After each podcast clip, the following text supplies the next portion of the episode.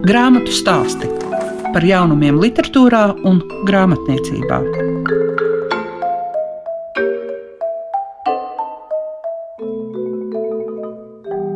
Ik viens no jums šobrīd ir grāmatu stāstu klausītāju skaitā. Kopā ar jums ir Liega Piešiņa, un šodien jūs varēsiet dzirdēt Aivaru Kļavi, kurš stāstīs tajā skaitā arī par avota laiku. Un vēl par jauno autoru pandēmijas laika stāstiem, attālinātie, un ar to jūs iepazīstinās Gunderis Kravalis. Grāmatu stāsti programmā Klasika. Var piekrist Guntim Berelim, kurš saka, ka žurnāls avots ir jau pārtapis par leģendu un savā ziņā arī par atmodas laika simbolu. Tāpēc ļoti daudziem bija prieks un interesi izlasīt Aivara Kļavja rakstīto avota laiks. Bet saruna ar rakstnieku sākām vispirms par to, kas sagādā gandarījumu rakstot.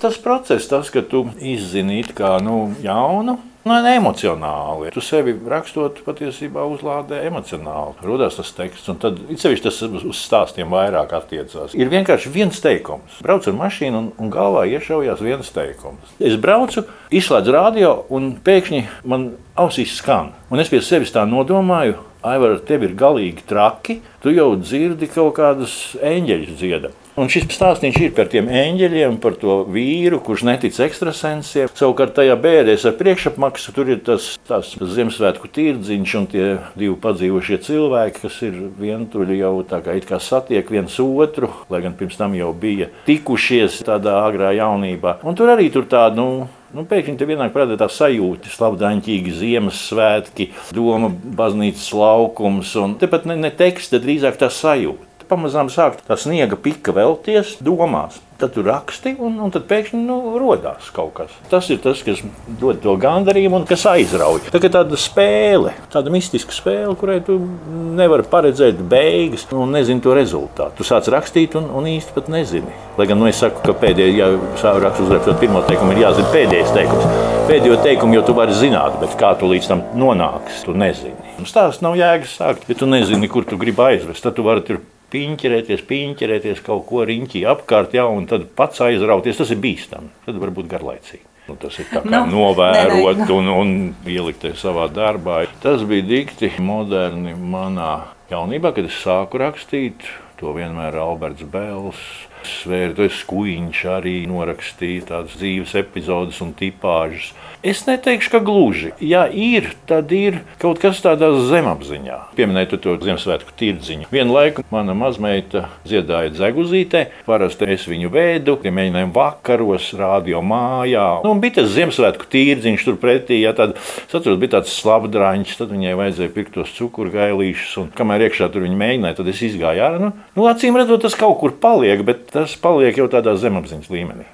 Tas nav ka, ka es tā, ah, jā, toreiz. Tagad runājot ar jums, es to vienkārši izdomāju, ka tā tas varētu būt. No nu, acīm redzot, tā tas arī bija. Ka tur tie slīdkalniņi un ka tie bērni tur šļūts lejā. Patiesībā tas sniegs bija tāds pieķēzīts, netīrs. Nu, nu kā jau doma laukumā, ka nav tādas īstas ziemas. Cik atšķirīgi dzīves laikā ir tā attieksme pret to, kas ir rakstīšana? Nu, pirmkārt, tā, tā pamata funkcija daudz nav mainījusies. Nu, tas ir mans darbs. Nu, es esmu gan bijis deviņi gadi, kopš kad es neuzrakstīju neko, un es nerakstīju. Bet neskatoties uz to pamata jēga, ka tas ir mans darbs, tā nav it kā mainījusies. Tā ir palikusi. Mainījusies ir tā attieksme vai izpratne par to, ko es daru, un tā ir mainījusies kardināli.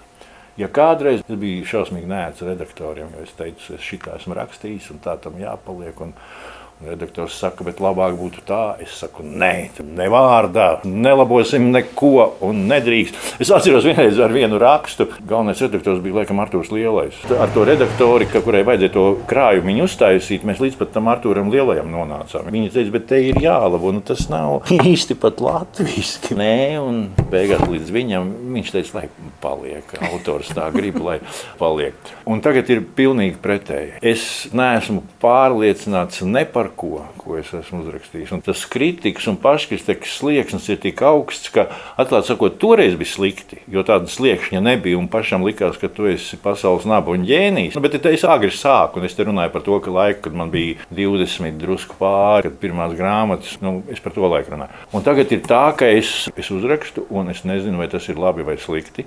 Un es dodu cilvēkiem lasīt tieši otrādi. Es tagad mūcu redaktori, es saku, es te uzrakstīju, paskaties, vai šitā, tas sākums, vai tas tā varētu būt. Ko viņi tur var pateikt? Nu, es esmu kaut ko sācis, es izdomāju, nu, protams, viņi teiks, nu, ir jau labi, raksti tālāk. Tas ir diezgan mokoši. Vai ir tā, ka jūs vizualizējat arī to, ko jūs rakstāt? Jā, tas ir tajā procesā iekšā, ko es teicu, ka es dzīvoju līdzi.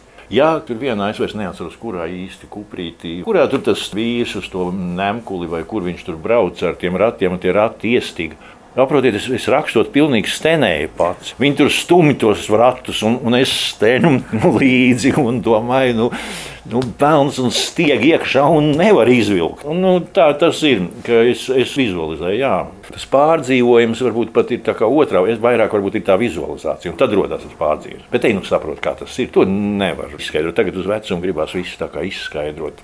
Varbūt tad nevar. Kā ir ar avotu laiku? Kas bija tas mudinājums, ka vajadzēja to salikt vienos vākos? Uz pēdējos 10 vai 15 gadus man bija pilnīgi skaidrs, ko es gribu rakstīt. Un pēdējais, ko es zināju, es domāju, ka tas būs plašāk, bet nu, paldies Dievam, ka nē. Nu, es biju klāt daudzos tajos procesos, arī Rakstnieku savienībā, kas notika to laiku literatūras propagandas biroja, kad es vadīju, kad bija milzīgās dzējas dienas, ka rakstnieki brauca un bija pilnas zāles. Mēs ar Andreju Dripu izbraukājām krustu šķērsu divatā visu Latviju. Kolēģi, kas noklausījās tās mūsu uzstāšanās, teica, kā jums nav bail, kā jūs neesat nošaut. Andrejs uz to atbildēja vai gudri. Viņš teica, teica, viņš teica, tiem šāvējiem, jo mēs esam izdevīgi, jo mēs palaidām vaļā to tvaiku atnāk tie cilvēki, izgāž tās dusmas, redz, ka var drosmīgi runāt. Jā, viņš saka, un viņiem tas tvaiks noiet, un viņi godīgi padomu pilsoņi. Nu, es gribēju tādu sākumā, bet beigās es sapratu, ka ņemot vērā daudzas lietas, kas jau ir deformējušās par to avotu, es sapratu, ka man jāuzraksta tieši par avotu. Es sapratu, ja es to neuzrakstīšu, tad ne, neviens cits to neuzrakstīs. Man bija drusku bail, kad es uzrakstīju, ko teiks kolēģi, jo ne par visiem es izsakos pārāk labi, pārāk atzinīgi. Bet eh, pārsteidzošā kārtā tā visi teica, ka jā, nu, tā tas ir. Un, un daudzi citi žurnālisti man zvanīja, ar kuriem kopā es esmu strādājis. Dainis Cauna piezvanīja pāri priekš. Priekš Daiņa piezvana un saka, tu man esi polšu parādā. Es saku, kāpēc? Es visu naktī esmu lasījis. Es saku, tad nevis polšu, tad miega zāles iedzer. Ja? Un tā, nu, tā viņš teica, ka nu, tas ir pārsteidzoši. Nu, viņš arī bija visos, tas, protams, viņš teica, ka pārsteidzoši, ka tik korekti, īsti neaizvainojot, bet tomēr pateikt patiesību. Un tas man liekas arī ir tas, tas, tas lielākais pluss, kas tur ir. Bet tas, ko jūs šajā grāmatā esat izdarījis, ir tas, ka ir tā iespēja paudzēm savā starpā sarunāties. Jo tie, kas dzīvoja avotu laikā, tiem tas bija pats par sevi saprotams. Bet kā tu to sajūtu, tās emocijas vari, teiksim, savam bērnam pateikt, Viņš to nesaprot. Un tad, kad viņi izlasa šo grāmatu, tad viņi iegūst. Nu, nu, ceru, jā, tur ir tā, arī tā grib, gribēšana vajadzīga. Ja tā ir, tas ir ļoti labi. Nu, tad ir ļoti labi. Jā, es varu sev uzsist uz pleca malas. Es zinu, ka Valdorfa skolā ir tas princips, ka viņi arī uzskata, ka ir jāizlasa visa grāmata, lai varētu spriest par literatūru un runāt bet mūsu mācību sistēma nonāk pie fragmentiem. Man sieva strādā skolā, un viņa ir laba skolotāja. Pasniedz mūziku. Viņai bija tā ideja, ka nu, viņa sāk no pirmās klases un līdz, līdz pat 12. klasē. Bet nu, tagad tā ideja vairs nav realizējama, ja, jo nu, nav jau vairs to, to spēku. Tas tiešām bija, ka viņa septiņos aizbrauca un septiņos vakarā atgriezās, jo katrai stundai jāgatavojas. Un, nu, viņa tas stundas ir vienkārši unikāls. Tur nav ka kaut ko atdzied, ņemās uz nebu nebēda. Viņi paši spēlē, viņi zīmē un, un iztēlojās, taisa izrādes tajās klasēs. Viņi teica, viņi teica, tagad sakarā ar to elektrības taupīšanu skolām minimāli apkūra. Viņa teica, man jau labi, mēs pēc katras stundas visi esam sviedros. Viņa saka, man būs labāk, nebūs tie logi jātaisa vaļā katru reizi, ka gaisa nav. Tā arī tāda cita pieeja. Tāpēc par to kopējo, kas pašlaik notiek, šo fragmentārismu, virspusējību, man sāp sirds un vienkārši negribas runāt, un vēl vairāk man negribas runāt piemēram, tādā kontekstā, ka tagad nu, mēs skolotāji streikosim atkal. Tā iemācieties paši uzrakstīt vārdu pareizi kontaktstundas. Bija internetā plakāts, kur skolotājs tur plakātu. Ieskaitiet tur mums visas kontaktstundas, kur kontaktstunda ir bez tēja. Nu, skolotājs pats nemāk uzrakstīt vārdu kontaktstundas. Viņš tagad streikos, lai dabūtu lielāku naudu. Grāmatu stāsti tiem, kam grāmatu lasīšana ir vērtība. Grāmatas stāstos šodien atvērsim jauno autoru pandēmijas laika stāstus, kuriem ir dots nosaukums attālinātie. Un šeit vienā krājumā, vienos vākos ir desmit autoru darbi, un tas vienojošais ir ne tikai pandēmijas laiks, tas vienojošais ir arī tas, ka šie cilvēki ir 2020. un 2021. gadā bijuši literārās akadēmijas audzēkņi. Un nav varbūt arī pārāk pārāk bieži pēdējā laikā tā bijis, ka kāds grupējums izdod stāstu krājumus, jo viņi ir kopā mācījušies. Gundars Kravalis ir ne tikai mans klases biedrs, ne tikai vienīgais vīrietis, kurš šajā krājumā ir publicējis stāstu, bet arī šodien mans sarunu biedrs Gundar, kas bija tas galvenais, kāpēc jums likās, ka vajag vienos vākos izdot, jo gan tā pieredze, gan tā spēja pateikt, ko tu gribi, nu, ir ļoti dažāda. Īsi sakot, mēs mācījāmies pandēmijas laikā. Tas nozīmē, ka mēs faktiski nereiz netikāmies klātienē. Un tagad mācības beidzās, pēdējā nodarbība mācības notika Zoom režīmā. Mēs nebijām tikušies. Tikko beidzās pandēmija, tā mēs momentā sanācām kopā, lai tīri viens uz otru paskatītos. Un turpinājām rakstīt, apspriest kopīgi uzrakstītos stāstus, un bija doma, ka vajadzētu turpināt. Nāca atklāsme, kad kaut kad apniks. Bija jāmeklē mūsu tikšanās tikšanās reizēm kaut kāds saturs, kaut kāda jēga. Es ierosināju rīkot reizes gadā jauno autoru stāstu konkursu. Sarnikavā viens tāds notika, mums bija. Un Anija nāca ar priekšlikumu kādā reizē, ka mēs varētu izdot stāstu krājumu. Tas nozīmē vismaz gadam vajadzību tikties, apspriest, iesniegt, analizēt, brāķēt un tā tālāk. Es balsoju pret. Jo man likās, man šķita, pareizāk būtu teikt, man šķita, ka tu neproti rakstīt stāstus, man šķita, ka mēs vēl neesam tam gatavi. Meitenes deviņas nobalsoja par. Nu, man nācās piekrist. Nu, tāds bija galvenais iemesls, kāpēc. Un tiešām tas gads pagāja tikai stāstu krājuma veidošanā, iesniegšanā, un brāķēšanā, un redaktori, korektori, problēmas ar visu to kaut kā tā. Man liekas, ka tos pamatprincipus, kā rakstīt, kā veidot mugurkaulu vai skeletu, jums ir iemācīts, bet eh, jūs esat ļoti dažāda līmeņa spējā izteikt to savu galveno domu. Es tā gribētu šo attālināti raksturot. Jā, paldies. Es liek, domāju līdzīgi. Es arī pamanīju to pašu. Man bija ļoti liela problēma. Man jau bija problēma pat ar skeletu. Es redzēju, nu, tas ir mans subjektīvais, kad pirms es kaut ko gribu publicēt, man ir jāzina, ko es gribu pateikt, ko es sacīšu lasītājiem. Man, es noteikti rakstu tikai un vienīgi lasītājiem, un man ir jāzina, ko es šiem cilvēkiem gribu pateikt. Un tad, kad vēstījums ir zināms, tad, manuprāt, nākošais uzdevums ir uzrakstīt, lai lasītājiem būtu interesanti lasīt. Nu, un trešais, lai nebūtu pa garu. Nu, es nezinu, vai mums ir izdevies vai nav. To tagad es nevaru pateikt tā īsti. Man pašam vērtēt kolēģis laikam nebūs ētiski. Es negribu izteikties par viņiem, un par savu stāstu nu, es arī. Nu, man ir grūti pat tā izteikties. Es mazliet esmu nobijies, ko teiks lasītājs. Bet no otras puses, nu, man ir vajadzīgs tas arī, tā, arī lasītāja kritika. Es gribu zināt, kad nav izdevies. Tu esi viens no tiem, kas diezgan atklāti arī saka, ka tev ir svarīgi, kā uz to reaģē lasītājs.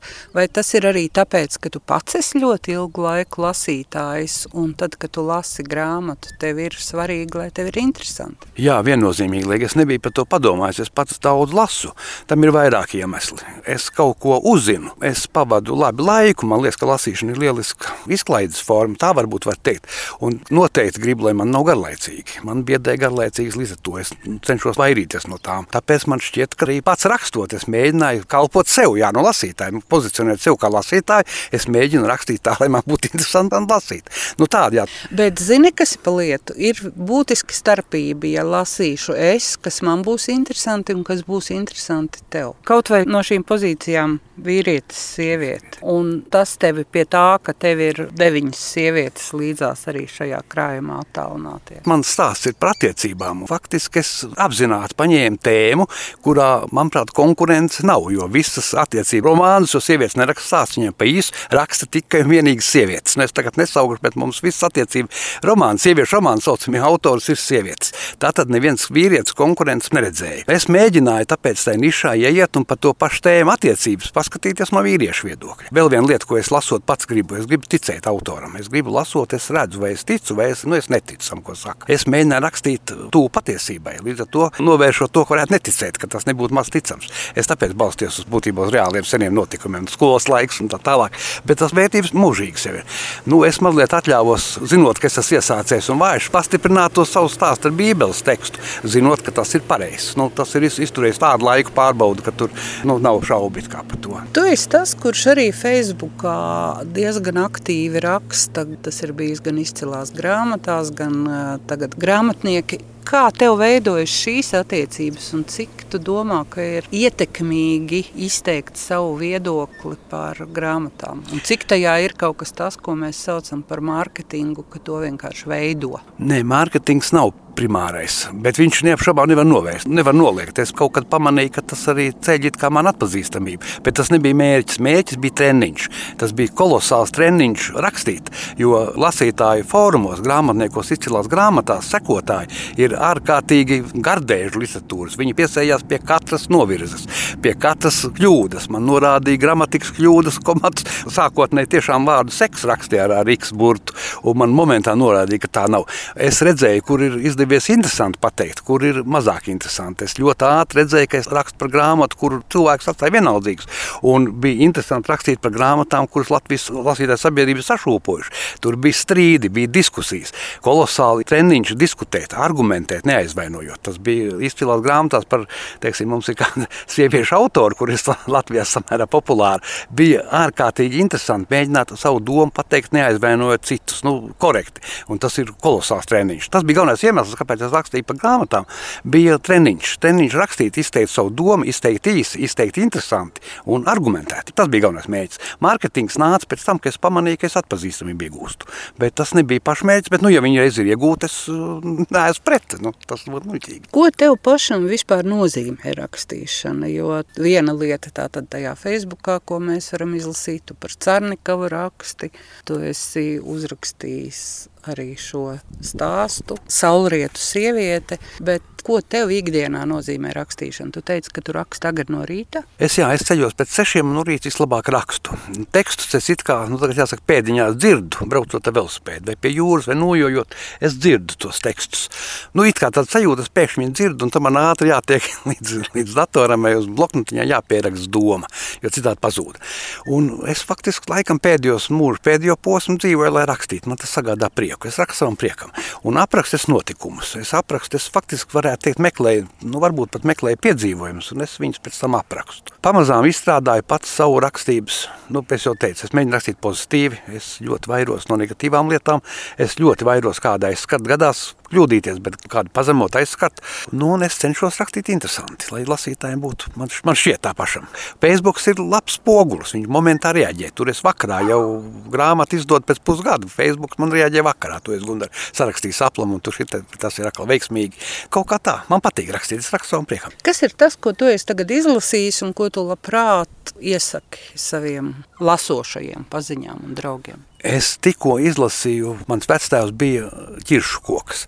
Tā ir pasen iznākusi bērniem domāt grāmatiņa, un es izlasīju, un pirmais iespējas bija tas labākais, ko es vispār pēdējos gados esmu lasījis, un es mēģināšu tagad pamatot.